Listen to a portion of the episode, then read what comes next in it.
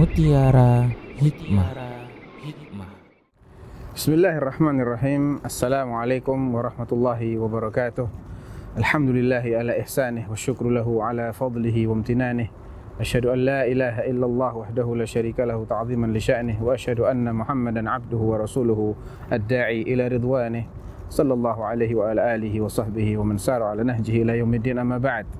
Para pemirsa yang dirahmati oleh Allah Subhanahu wa taala, dalam sebuah hadis yang diriwayatkan oleh Imam Abu Hurairah radhiyallahu taala anhu oleh sahabil jalil Abu Hurairah radhiyallahu taala anhu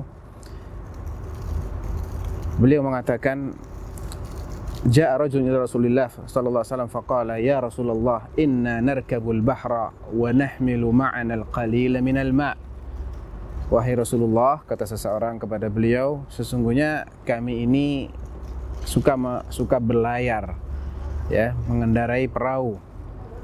Dan kami membawa sedikit air air tawar. Fa in tawadda'na bihi atishna. Afanatawadda'u min ma'il bahar. Kalau air yang kami bawa itu kami gunakan untuk berwudu maka kami pun akan kehausan tidak ada lagi air yang bisa kami minum. Bolehkah kami berwudu dengan air laut maka Nabi sallallahu alaihi wasallam mengatakan huwa tahuru ma'uh al-hillu maitatuh. Sesungguhnya lautan itu adalah yang airnya itu suci lagi menyucikan dan bangkainya pun halal.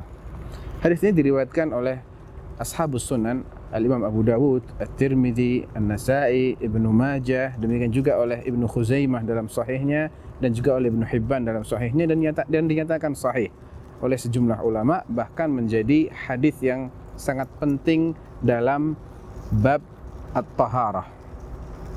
Dari hadis ini ada sejumlah pelajaran berharga yang bisa kita ambil. Yang pertama adalah bahwa Nabi Shallallahu Alaihi Wasallam ketika ditanya tentang apakah air laut itu suci, boleh kita pakai wudhu, maka Nabi Shallallahu Alaihi Wasallam tidak menjawab sebatas apa yang ditanyakan oleh si penanya.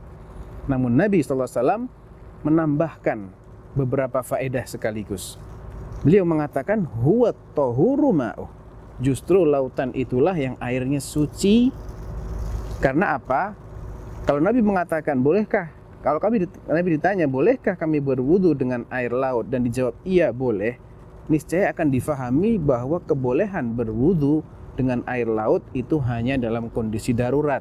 Manakala air tawar yang dibawa tidak bisa digunakan untuk berwudu karena akan dipakai untuk diminum. Akan tapi Nabi SAW tidak mengatakan demikian, tidak menjawab iya boleh. Beliau justru mengatakan air laut itu adalah air yang bisa digunakan untuk bersuci secara umum, baik untuk wudhu, untuk mandi janabah, untuk membersihkan najis dan lain-lain.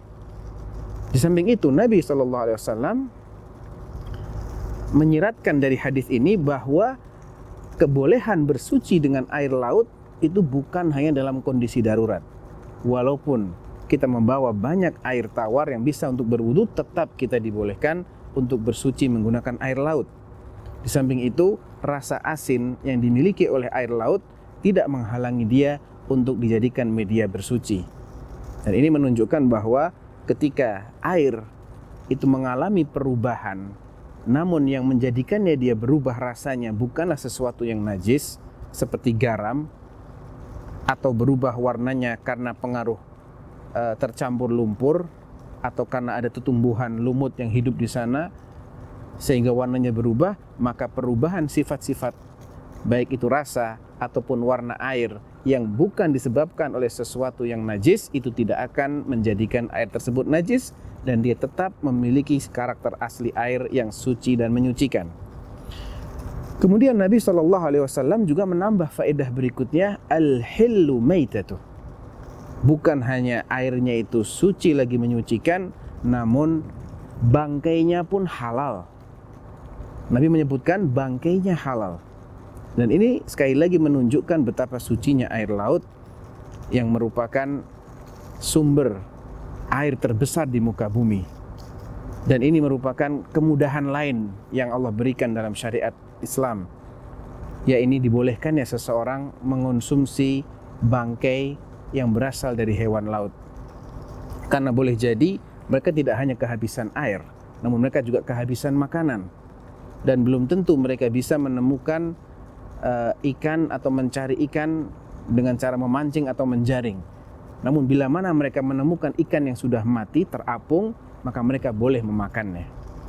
Dan ini jelas merupakan kemudahan dan merupakan faedah tambahan yang diberikan oleh Rasulullah SAW walaupun tidak ditanyakan oleh para sahabat. Dari sini sebagian ulama menarik suatu pelajaran yang berkaitan dengan uh, trik atau cara mengajarkan suatu ilmu yaitu ketika seorang muallim, seorang guru, seorang ustadz melihat dari pihak penanya bahwa ada satu hal yang perlu dia ketahui namun tidak dia tanyakan, maka jangan nunggu supaya itu ditanyakan. Sampaikan saat itu juga. Dan ini merupakan bentuk lain dari bagaimana Nabi SAW yang demikian antusias dalam mengajarkan setiap kebaikan bagi umatnya. Sebagaimana yang beliau sabdakan sendiri dalam hadis yang diriwayatkan oleh Imam Muslim dalam sahihnya dari Abdullah bin Amr bin Al-As radhiyallahu taala anhuma innahu lam yakun nabiyyun qat illa wa haqqun alaihi innahu lam yakun nabiyyun qabli illa wa haqqun alaihi an yadulla ummatahu ala khairi ma ya'lamuhu lahum wa yundhirahum syarra ma ya'lamuhu lahum.